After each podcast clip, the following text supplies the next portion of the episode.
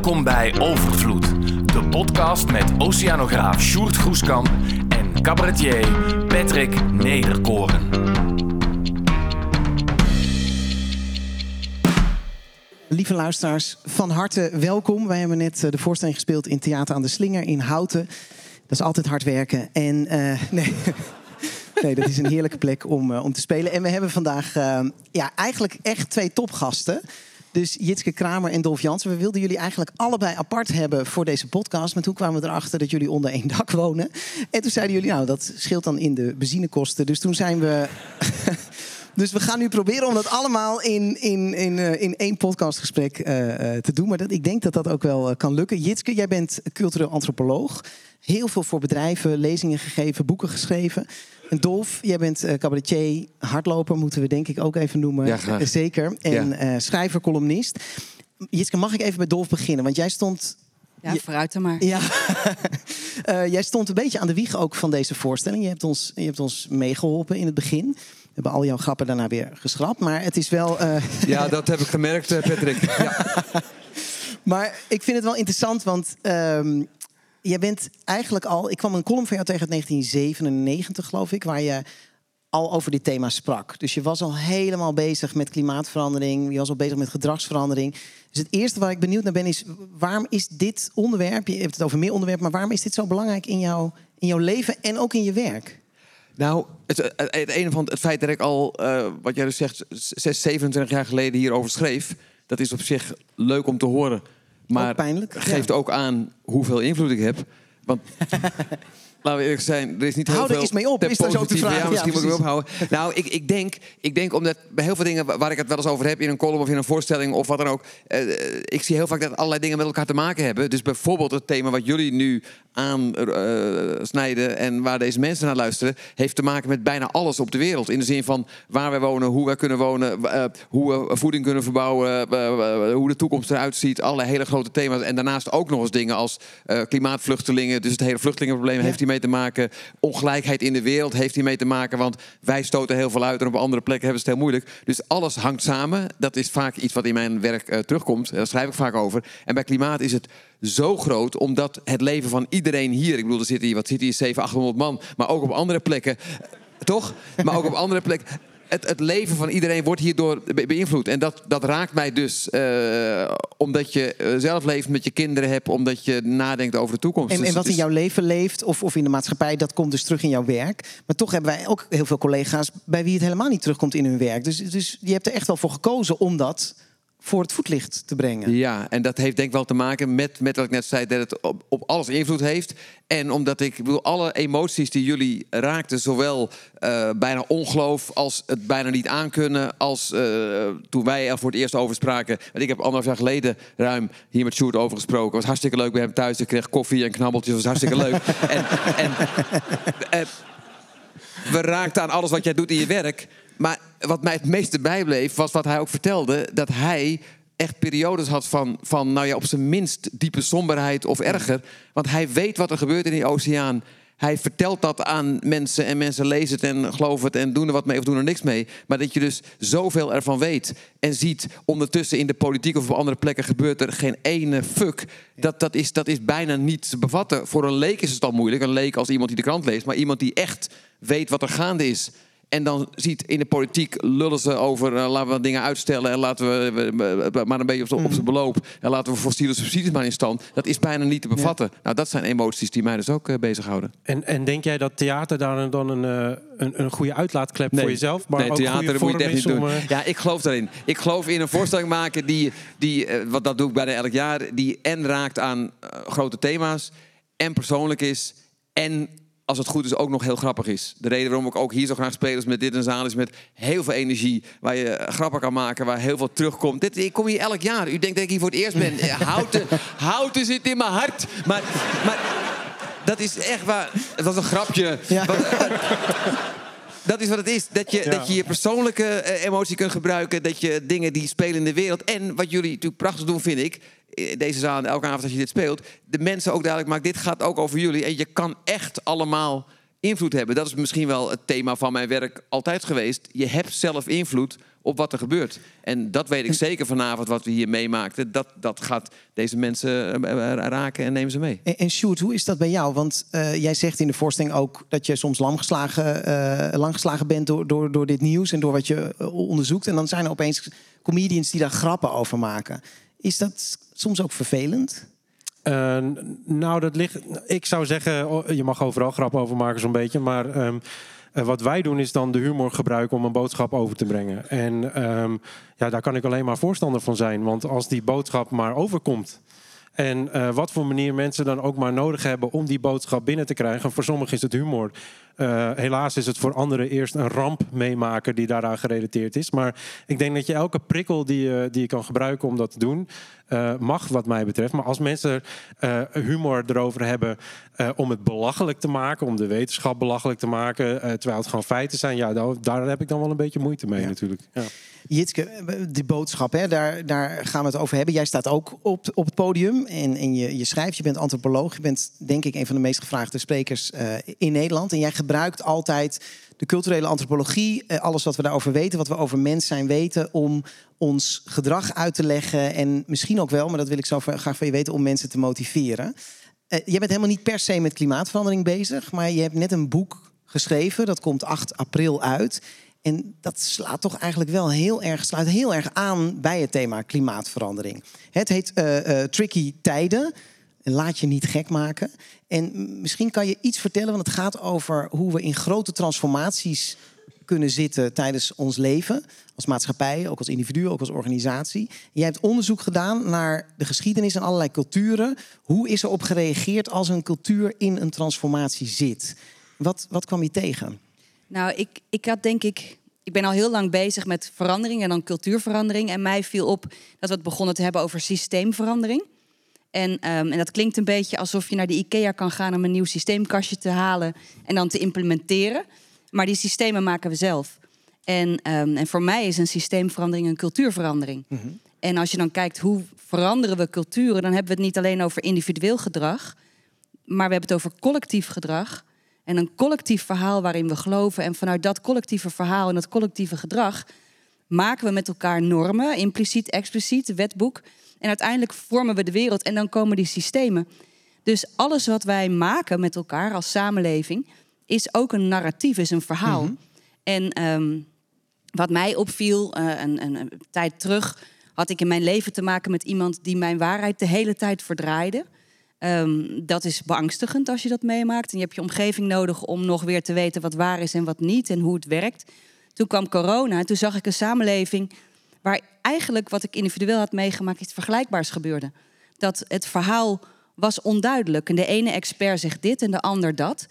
En de consequentie van de type samenleving waarin we leven is dat je, je moet vertrouwen in experts. Ja. Want anders kan je niet eens koffie drinken. Je moet vertrouwen dat er geen gif in zit. Dus zeker we zijn... als je geen koffie krijgt. Dan zeker. dus die verwarring die ontstond bij corona, als je dus het verhaal niet weet, ja. dan voor je het weet zitten er chips in vaccins. En gaan mensen dat geloven? Ja. En is er speculatie of wij worden ja, bestuurd door reptielen of niet? En is klimaatverandering ook zo'n systeemverandering voor jouw Ja. gevoel? Dolf zei net, het heeft met alles te maken in het leven. Het is een van de onderdelen. En volgens mij, als we kijken naar de systeem waar we in zitten, we zien dat we vastlopen op heel veel systemen. De zorg piept en kraakt. Als ik jullie zou vragen, ja, welke crisis zie je? Nou, dan hebben we crisis bingo. We kunnen echt tien minuten lang crisissen roepen, wooncrisis en alles. En klimaat is daar één van. Ja. En ik denk dat um, hoe ik er naar kijk, is dat de aarde is wat mij betreft de game changer. Over al die andere dingen, groeiende armoedekloof, kunnen we nog heel lang ideologisch met elkaar praten. Maar de aarde gaat gewoon op. De aarde als in de planeet. De planeet. Waar wij met z'n allen... Ja. Ja. ja. en als het opgaat, ja, dan kan je, ja, vind ik ideologisch niet zo. Nee, maar ja. Dus, is dus zo. nu breng je eigenlijk de factor tijd nog in. Maar, maar voordat we daar dan zijn, jij, jij hebt dus onderzocht van als een cultuur in een, in, een, uh, in een transformatie zit, dan heb je eigenlijk altijd het, de fase waarin je afscheid neemt van het oude. Uh, je hebt, dat is de eerste fase. De laatste fase is je integreert eigenlijk de nieuwe tijd. En daartussenin zit een soort chaotische Ja. periode waar een prachtig woord voor is. Ja, liminaliteit. Liminaliteit. Klinkt Het ondertussen, de messy middle. Kijk, we denken heel vaak, we willen niet meer A.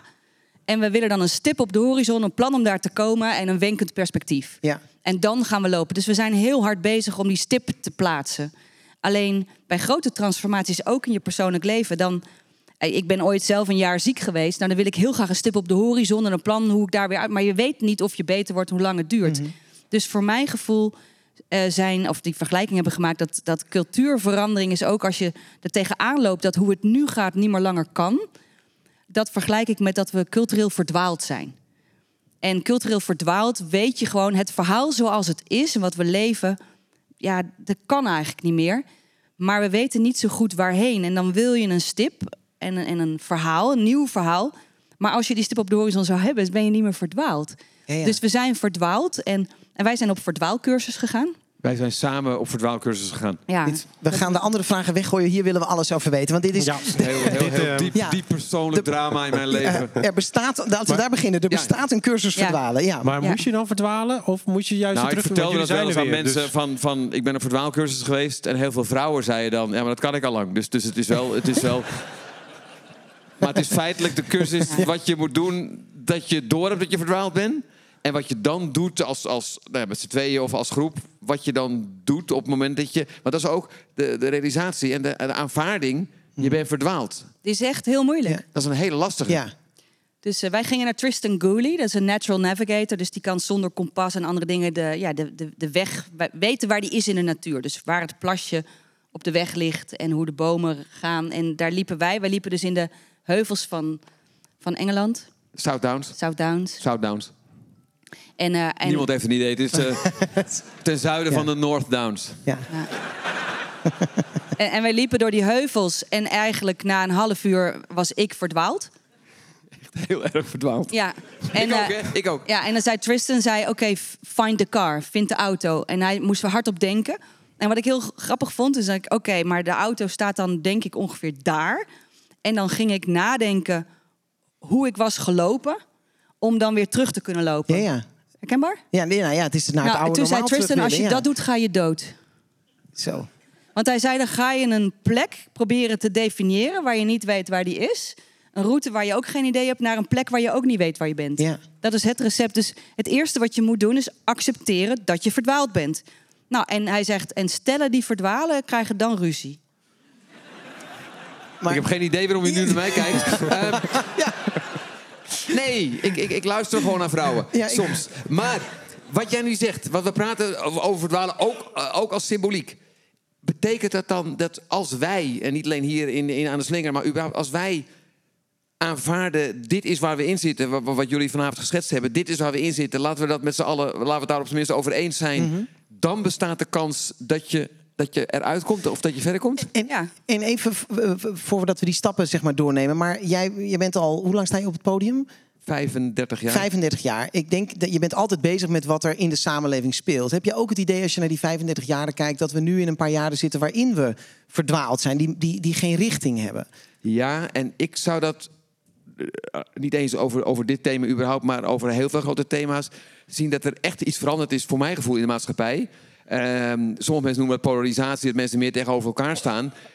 Ik heb het gevoel dat een groot probleem is van de afgelopen jaren, en dat is alleen maar groeiende, dat een deel van de mensen eh, niet meer alle informatie tot zich kan nemen. Als zoveel mensen van 15, 16 van een school komen na een opleiding en niet eens feitelijk echt nog goed kunnen lezen en schrijven, kunnen ze ook het NRC of de Groene Amsterdammer niet lezen. Zelfs de Telegraaf niet. Dus heel veel mensen hebben volgens mij, met alle respect voor mensen die de Telegraaf niet in de kattenbak leggen, eh, heel veel mensen hebben volgens mij steeds minder gewoon het vermogen om te begrijpen wat er gaande is. Dan ben je dus ook heel erg vatbaar voor wat je populisten zou kunnen noemen... of wat jij in je boek tricksters noemt. Ja. Mensen die met een goed verhaal komen... waarvan je denkt van, eh, het, het klinkt alsof het zou kunnen kloppen... of het heb op Facebook gestaan, ergens dus daartussenin... Mensen zijn daar vatbaar voor. Als je niet meer zelf informatie tot je kan Juist. nemen, omdat je het gewoon niet. Dat betekent niet dat mensen dom zijn, maar als je een krant niet kunt lezen, het NOS-journaal niet vertrouwt en een artikel ingewikkeld vindt, laat staan de IPCC-rapporten van die immense omvang, dan kun je die informatie tot je nemen en dan is de kans dat je meegaat in het verhaal, laat staan in de oplossing, is heel klein. En dat Waar- is waarbij het natuurlijk ook zo is dat we allerlei momenten hebben gehad en hebben. Waarbij we wat we op het journaal horen of in de mainstream media ook niet altijd het echte verhaal blijkt te zijn. Ja. Dus we zitten in een cultuur waar we met elkaar eigenlijk eh, hebben gecreëerd dat wie het best het verhaal kan vertellen, de perceptie kan managen, ehm, de leider wordt. En, ehm, en dat is lastig. Precies, want eigenlijk zeg je van ehm, eh, als je niet accepteert dat je in een chaotische tijd leeft, dan verlies je ook je denkvermogen en ga je misschien wel achter elke oplossing aan die je wordt Nou ja, als je het niet accepteert, dan zeg je er is niks aan de hand. Dus we kunnen gewoon door. Eh, en misschien is dat waar, dus dan moet je met elkaar over discussiëren. Het moment dat je, dat je bedenkt van nou, dit kan zo niet langer, dan is het te groot. Eigenlijk wat jij ook hier vanavond zei, het is te groot. Ik denk dat, dat het merendeel van de zaal denkt, nou, er was toch wel een leuke avond uit. We nemen straks nog een drankje en het is te groot. Het is te veel. Ja. En omdat het te groot en te complex is, voelen we ons als mens ook wat dommig. En als iemand dan zegt, joh, het zit gewoon zo. Heerlijk is dat. Ja, lekker. En die Ja. volg je. Dus, dus dat verdwalen vind ik zo'n mooie metafoor. Op het moment dat je, dat je accepteert, ik ben verdwaald, dan kijk je elkaar in de ogen. En eigenlijk kijk je op dat moment de dood even in de ogen. Als, je echt, als we echt zouden accepteren dat het zo niet verder kan en als we niks doen, dat is dat fractie van een seconde dat je, of misschien wel minutenlang, dat je in de wildernis verdwaald bent en zegt: Fuck, het is echt. Het is not a fun thing. Het is echt. Nou, dan ga je ruzie maken als jij nou 30 jaar geleden dit had gedaan. Nou, dan gaan die groepjes, zei die wees, dan gaan dood. Weet je, dus die ruziemakerij. Wij leven nog, hè? Ja. Ik wil Ja, het wel even gaat goed. duidelijk benadrukken. Maar, maar Wij leven nog. dan moet je uiteindelijk dus zeggen: oké, maar welke weg gaan we bewandelen? En dan moet je creativiteit hebben. Maar omdat het zo complex en veel is, dan moet ik dus vertrouwen hebben in gidsen zoals jij. Maar die, die mij signalen aanwijzen die ik niet kan zien. En dat is heel spannend. Maar, maar hier heb ik wel een paar vragen over. Want je hebt eigenlijk beschreven, oké, we, we zijn een maatschappij. eh, volgens mij is een maatschappij altijd in transitie. Dus volgens mij zitten we altijd in een bepaalde mate van eh, liminaliteit. Ehm, dus eh, daarin vraag ik me af, is dat niet gewoon het nieuwe normaal eigenlijk, in zekere zin? Dat Nee. je altijd in wat, transitie wat ik, bent? Wat ik zag toen ik hier onderzoek naar deed, is... Dus ja, je hebt gelijk. Het leven is een aaneenschakeling van momenten van liminaliteit. Dus als je als individu kijkt, je laat dingen achter je... dan heb je een beetje een ingewikkelde periode... dan kom je weer tot een nieuwe rust en dan, nou, dan begint het opnieuw. Dus het leven, zeg maar. Ehm, en zo gaan samenlevingen ook door veranderingen heen. En nu helemaal snel, hè? Want Nou, na en de wat er nu is gebeurd- revolutie gaat de verandering AI. zo snel. Ja, maar er is nog iets fundamentelers waar ik heel erg van schrok tijdens mijn onderzoek het afgelopen jaar. Is wij, en dan doe ik een heel echt een snelcursus antropologie. Niks heeft betekenis van zichzelf. We moeten samen betekenis aan geven. Dus samen bepalen wat we goed en fout vinden, mooi en lelijk. Ehm, dat is het verhaal en op basis daarvan maken we de wereld. Nou, en die waarden die we centraal stellen, dus wat we vinden dat is belangrijk en dat niet, wat we hebben gedaan de afgelopen decennia, is de fixatie op voortdurende groei centraal gezet in het leven. Onbegrensde groei. Onbegrensd, maar de, met name de fixatie erop. Dus dat moet, koet, koet, koet, dat moet gebeuren. Nou, dan kan je nog zeggen, dat is best wel menselijk. We willen allemaal meer welvaart al jaren. En, maar toen kwam er een aantal bijzondere dingen bij. Er kwam bij dat we de waarde van goud en geld zijn los gaan koppelen. Waardoor je een onbegrensde financiële ruimte hebt gekregen waarin je kan spelen, wat eerst niet was. Het internet kwam erbij, jaren 80. Een onbegrensde ruimte wat nieuw is voor ons mensheid. Dus er kwam erbij. Dan kan je de waarheid, kan je werkelijk alle kanten mee op. Nou, daar kwam nog bij globalisering, waardoor je de landsgrenzen, waardoor ik gewoon kan zeggen, als jij het niet bevat, ga ik ergens anders heen. Dus die begrensdheid wordt daar ook onbegrensd. En uiteindelijk AI ook nog. En die combinatie is wel uniek in de mensheid. En wat je dan ziet, is dat we, als je logischerwijs dan cultuur gaat vormen, als dat onbegrensdheid er voortdurend is, en dat vind je super belangrijk, dan ga je de mensen die het beste met grenzen kunnen spelen en die kunnen oprekken, ja, die maak je tot leider. Oké, en dat dus- is wat we gedaan hebben. Ehm, dus, in, de, nou ja, de- dus in zekere zin zijn we in een soort van chaos. Maar er zijn een aantal mensen die daaruit komen. eh, die, die daar een soort van. In sommige gevallen misbruik ook van maken. De, de, de populisten bijvoorbeeld. Of de, nou ik zou zeggen de fossiele industrie. eh, bijvoorbeeld die dat met misinformatie doet. Als we het even terugkoppelen naar het klimaat. En in jouw boek noem je dat eh, tricksters. Eh, dus mensen die, of mensen of industrieën of wat dan ook, die dus die chaos gebruiken om zichzelf te verrijken ten koste van anderen en met gebruik van misinformatie. Ja, dat- dat- is één voorbeeld. Je kan Ja. ook ander soort tricksters hebben, maar ik wil het even terugbrengen naar klimaat. Ehm, dus dan is mijn vraag: oké, we zitten in die staat en we gaan er met z'n allen doorheen. Eh, wat, wat moet je daar tegenover stellen? Hoe, eh, hoe kan je concreet eh, die tricksters, of, of juist zelf een trickster worden, dat je zelf de juiste informatie erin speelt en dat niet verliezen van bijvoorbeeld het populisme, die veel makkelijker kan praten dan als je je aan de feiten moet houden. Dus wat stel je Ja. nou dan tegenover in die bewegende samenleving? Nou, de trickster is een archetype. En het archetype in de mythologie. Tricksters zijn ook wel cultuurmakers. Dus je kunt niet zonder tricksters. Die tricksters, dat zijn, die spelen met de grens, die maken grapjes. Hartstikke leuk. Dus als een systeem vastzit, dan heb je tricksters nodig die nieuwe woorden brengen, nieuwe tweedelingen brengen. Want dan komt het los en dan kunnen we met elkaar beslissen. En de trickster zelf doet niet aan moreel, dat moeten wij met elkaar doen. Eh, als we dus een systeem hebben waar we overal die tricksters hebben, daar hebben we er veel te veel van. Wat dan nodig is, dat begrenzen. Dus gek genoeg, denk ik, hebben we een revolutie van eerder begrenzen dan openbreken nodig. En dat is heel stom. Dus het kan wel, maar het moet niet. Een beetje, ik, ik, moest, heel erg denken, mijn onderzoek had je Pinocchio, dan die Walt Disney film uit de jaren 40, 50. En dan komt hij naar Pleziereiland. Dan gaat Pinocchio wordt gelokt naar Pleziereiland. En dan mag je alles doen, kapot maken, sigaren roken, alles. En er zit een grote vatsige kapitalist die dan lokt zo. En, en, de, en Jaapie Krekel zegt de hele tijd nee, nee. Maar Jaapie Krekel die, die, die we de hele tijd plat. En als je te lang op plezier uit bent, word je een, ei, word je een ezel, zeg maar. Dus wat we nodig hebben zijn Jaapie Krekels. Maar ja, dat zijn de deugdkneuzen. Dus dat is best wel lastig. Ehm, Dat zijn de cabaretiers vaak. ja. Ja.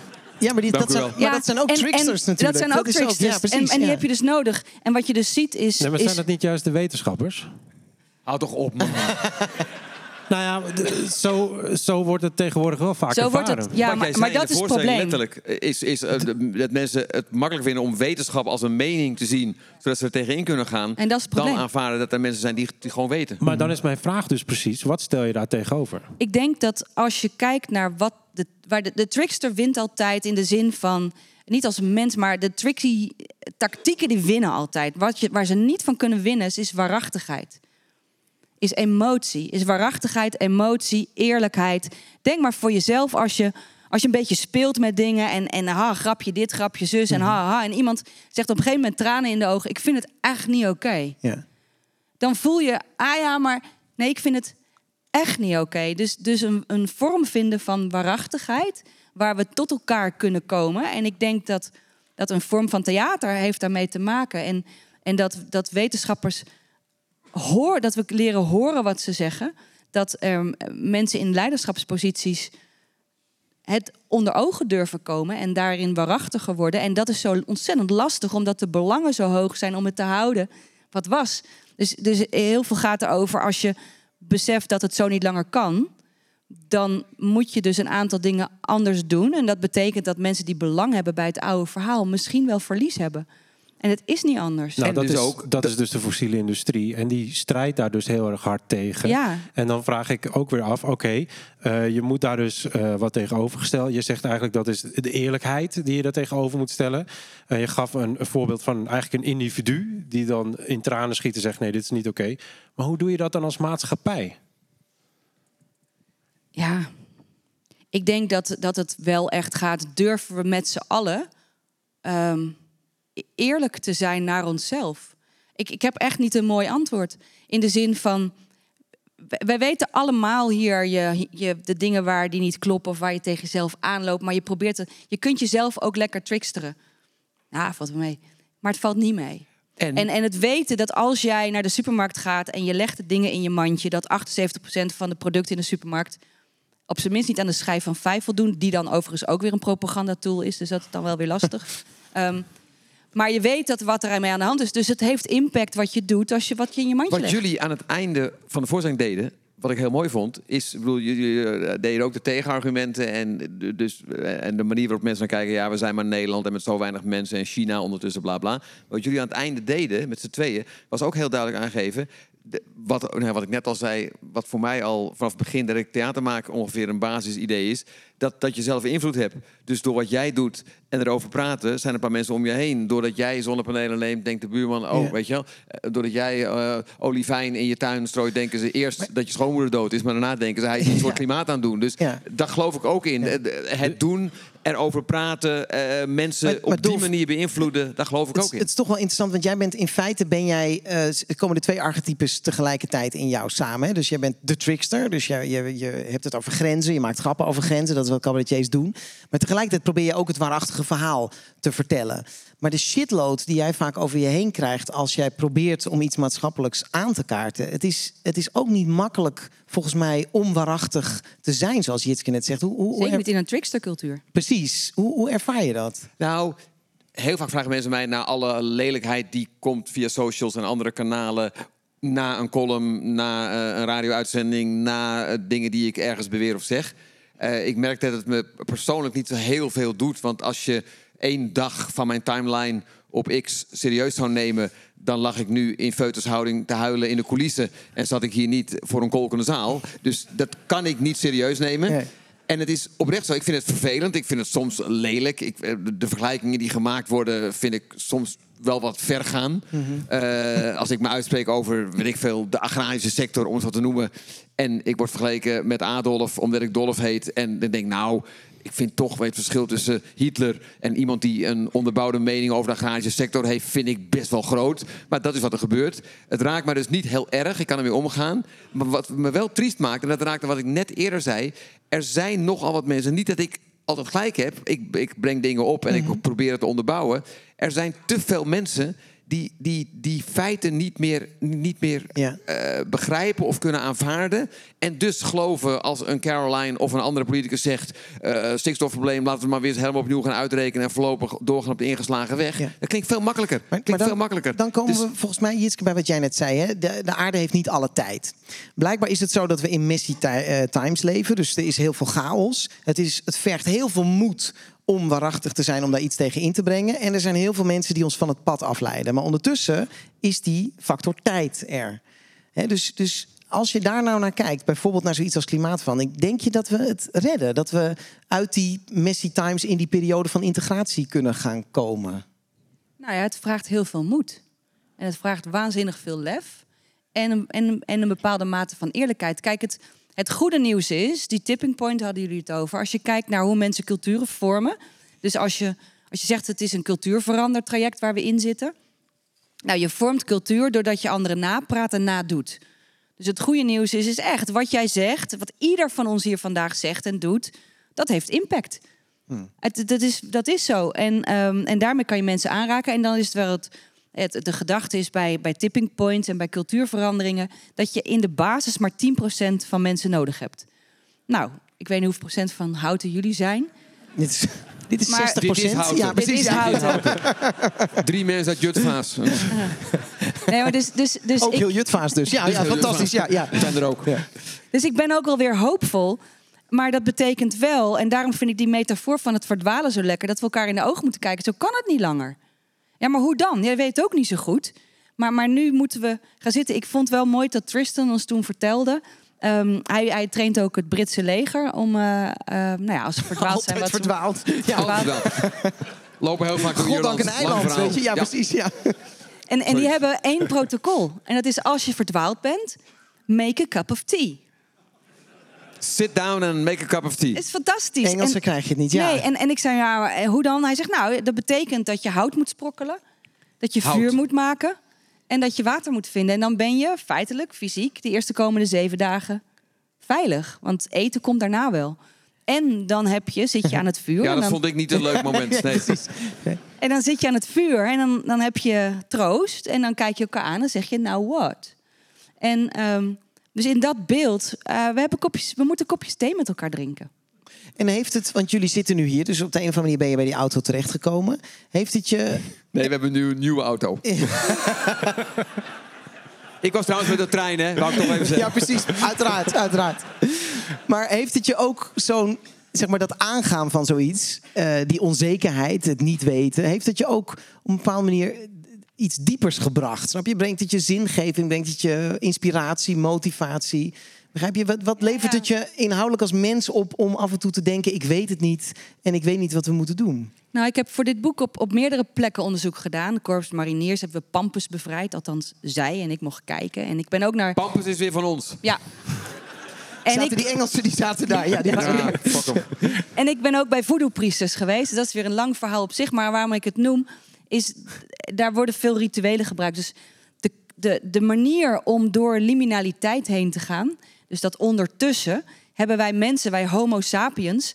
gaan moeten beseffen dat we door een buitengewone tijd heen gaan. Dus je hebt het gewone leven, de kloktijd en dingen die moeten, efficiëntie en vergaderingen en shit. En je hebt momenten dat je beseft van ja, maar nu is het buitengewoon. Dus een buitengewoon rare tijd waarin we buitengewone dingen moeten doen. Uh, verbeeldingskracht moeten aanspreken, moeten iets bedenken wat we nog niet kunnen bedenken. En als je dan kijkt hoe mensen over de hele wereld dat hebben gedaan, daar hebben we rituelen voor nodig. En dan zie je dat onze moderne samenlevingen gederitualiseerd zijn. We hebben bijna geen rituelen meer samen. En de kracht van zo'n ritueel, dus ook een kopje thee in die zin van, is zitten, al is het maar vijf minuten, en echt even beseffen, maar wat betekent dit nou? En een van de, de, manier, een van de trickste tactieken om niet de volgende stap te kunnen nemen, is zorgen dat iedereen het te druk heeft. en, en we hebben het te druk, het moet allemaal af en gisteren en back-to-back meetings. En, en voor iedereen die, die ergens in zijn leven hier een uh, invloed heeft op iets, bijvoorbeeld via werk of vrijwilligerswerk of op een andere manier.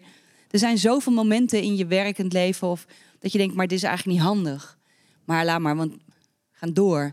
En wat we doen heel vaak is allerlei manieren om om te gaan met die stress die we voelen, omdat we weten dat het niet klopt.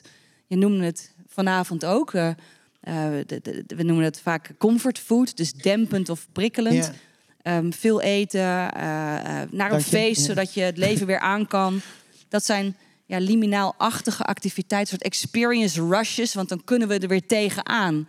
Terwijl wat we eigenlijk moeten doen, zeg wow, ik heb nu drie keer achter elkaar nodig dat ik een weekend hard ga of naar een festival, omdat ik het dan weer aan kan. Op een gegeven moment komt, maar wacht even, eerlijk naar mezelf, wat is er eigenlijk aan de hand? Wat moet ik doen? En, en die eerlijkheid, ja, daar zit uiteindelijk de sleutel. En, en in die eerlijkheid hebben we mensen als de wetenschap nodig en als jij nodig, die ons voeden met die eerlijkheid. En dat is echt waar, waar ik mij zorgen om maak. Want jij zegt van nou, de, de, de, de kranten lezen en mensen die er toegang toe hebben. Maar de andere kant is omdat we op zoveel plekken ehm, spelen met percepties en verhalen. Um, weet je ook niet altijd meer of wat je leest kloppend is. Als ik als leek moet lezen over klimaatwetenschap. Ik weet, ja, nu ken ik jou, dus nu weet ik dat is goed volk. Maar, maar een wetenschapper. Jij bent echt de enige op dit podium die dat denkt, hoor. Ja. nou ja, en wij allemaal eigenlijk verder. Nee, maar dus, dus het inschatten van wat is genuine, waarachtig en wat mhm. niet. Dat is echt wel een probleem. Maar um, als ik het zo vrij mag samenvatten, uh, zitten we dus in die transitie. En we hebben dus eigenlijk vooral uh, eerlijkheid nodig uh, van een heleboel individuen. die zeggen: Oké, tot hier en niet verder. dit gaat te ver. We moeten even rustig een kopje thee drinken. Dat zijn wij dus met z'n allen die dat allemaal met elkaar gaan bespreken met je familie op je verjaardagskring. Dat, dat soort momenten dat je gewoon zegt, wow, nee, even niet. Ja, en bespreken, maar dat vinden we heel uh, vervelend als mens. Komt hij weer? Uh, dus, dus ook gewoon doen. Ja, gewoon doen. Ja, en... echt anderhand. dus mensen zijn kopieermachientjes, met name ook gedrag. Dus gewoon ander gedrag vertonen. Maar vanuit bewustzijn over wat je aan het doen bent, in plaats van vanuit ik moet nog zoveel rush en dat soort dingen, toch? Het gaat om op adem komen, je afvragen waar ben ik, met wie ben ik, wat wil ik. Ja, en, dat is dus helemaal niet leuk, want je hebt liever Pinocchio op pleziereiland. Die, maar ja, dan worden we ezels. Ja, ja precies. Um, ja. Dolf. Ja. Uh, ik, ik las ik heb dit soort gesprekken elke dag, hè, dat u dat even weet. Weet je, ik ben hier uit, uit, uit liefde, maar ook gewoon uh, even eruit. um, jij bent optimist. Ja, Sjoerd. Las ik ergens. Ja, dat is correct. Uh, tegelijkertijd maak je enorme zorgen. Ja. En je hebt dit soort gesprekken de hele dag. Ja. Hoe gaan die dingen allemaal samen? Dat weet ik ook niet precies. Dat weet ik, dat weet ik niet. Want, want ook als ik naar jullie luister... en bedoel, wij hebben natuurlijk zeker de afgelopen anderhalf jaar... heel veel over dit soort dingen gesproken. Omdat ik het natuurlijk prachtig vind om zo dicht bij zo'n groot project te zijn. En het boek komt in april en ik denk van wow, dat is een belangrijk boek omdat het gaat over deze tijd, over deze mensen, over die samenleving, over al die grote dingen die spelen. Dus dat, dat, is, dat is inspirerend. En dat dat boek er komt en dat dat mensen gaat raken en nu al mensen raken en zo, dat is inspirerend. Dus die, die verschillende, ik zou bijna zeggen, emoties zitten bij mij echt door elkaar.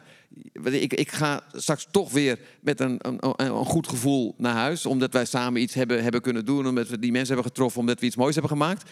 Uh, maar ik weet ook dat al die andere dingen gaande zijn dat olivijn, wat ik prachtig vond. Eh, ongeveer één keer per jaar staat er een man buiten. Eh, als, als, als wij spijkers gemaakt hebben, staat er een man die, die, die komt met dit verhaal naar mij toe. Dus ik heb al een paar keer zo'n zakje olivijn gehad. En nu ga ik het eindelijk serieus dat nemen. Ik, dat was jij, ja. Alleen al in een ijsberenpak. En, uh, dus, dus ja, de, de, de, de vreselijke dingen zijn er. Maar deze week wordt ook bekend dat hele grote investeringsfondsen besluiten uit fossiel te stappen. Fucking goed nieuws. Ja. Aan de andere kant, afgelopen week blijkt ook dat de Rabobank de grootste winst uit zijn geschiedenis heeft gehaald. Goh, hoe ze dat nou komen? Terwijl ze de, de agrarische sector al 50 jaar kapot maken. Terwijl de boeren denken ondertussen dat de Rabo voor hun staat en de LTO voor hun staat. Terwijl ze natuurlijk genaaid worden. En nu ook nog door Caroline van der Plas, waar je niet aan moet denken. Dus al die dingen lopen door elkaar. En al die emoties ook. Ik blijf optimistisch. Terwijl ik ook weet dat al die shit gaande is. En ik, ik, misschien dat er een hele goede psycholoog nodig is om te begrijpen hoe dat. eh, Ik, Ik heb- sta- ik zit heb- daar dan heel neutraal naast. Ja, precies. Nee, we krijgen een heel, we krijgen een heel het goed, goed beeld. Ja.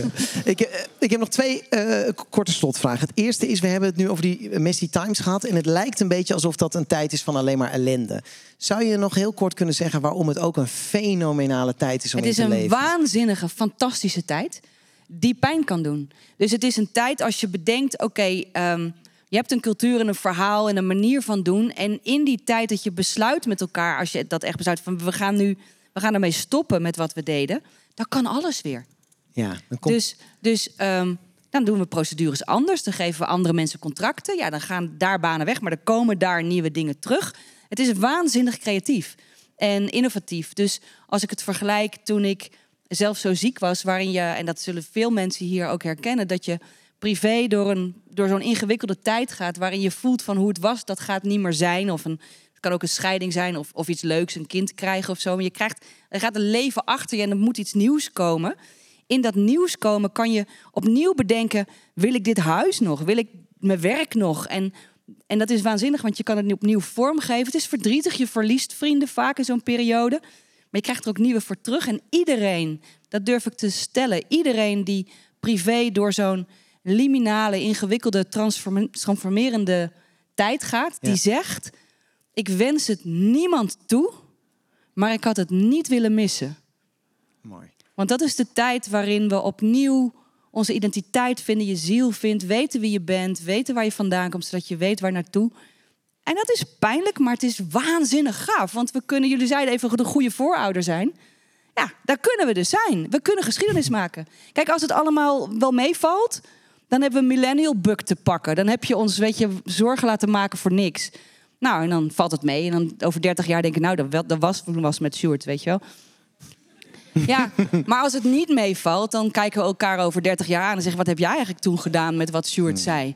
En, eh, en wat je dan ziet in samenlevingen, en dat is de geschiedenis, beschavingen komen en gaan. Dus wat we nu hebben is geen gegeven, dat komt en gaat. Oh, dat is heel zwart, ja. Maar in, zo, in zekere zin kunnen we geschiedenis maken. Want als we dat nu allemaal weten, dan kunnen we wachten tot er opstanden komen, omdat het echt niet meer langer kan.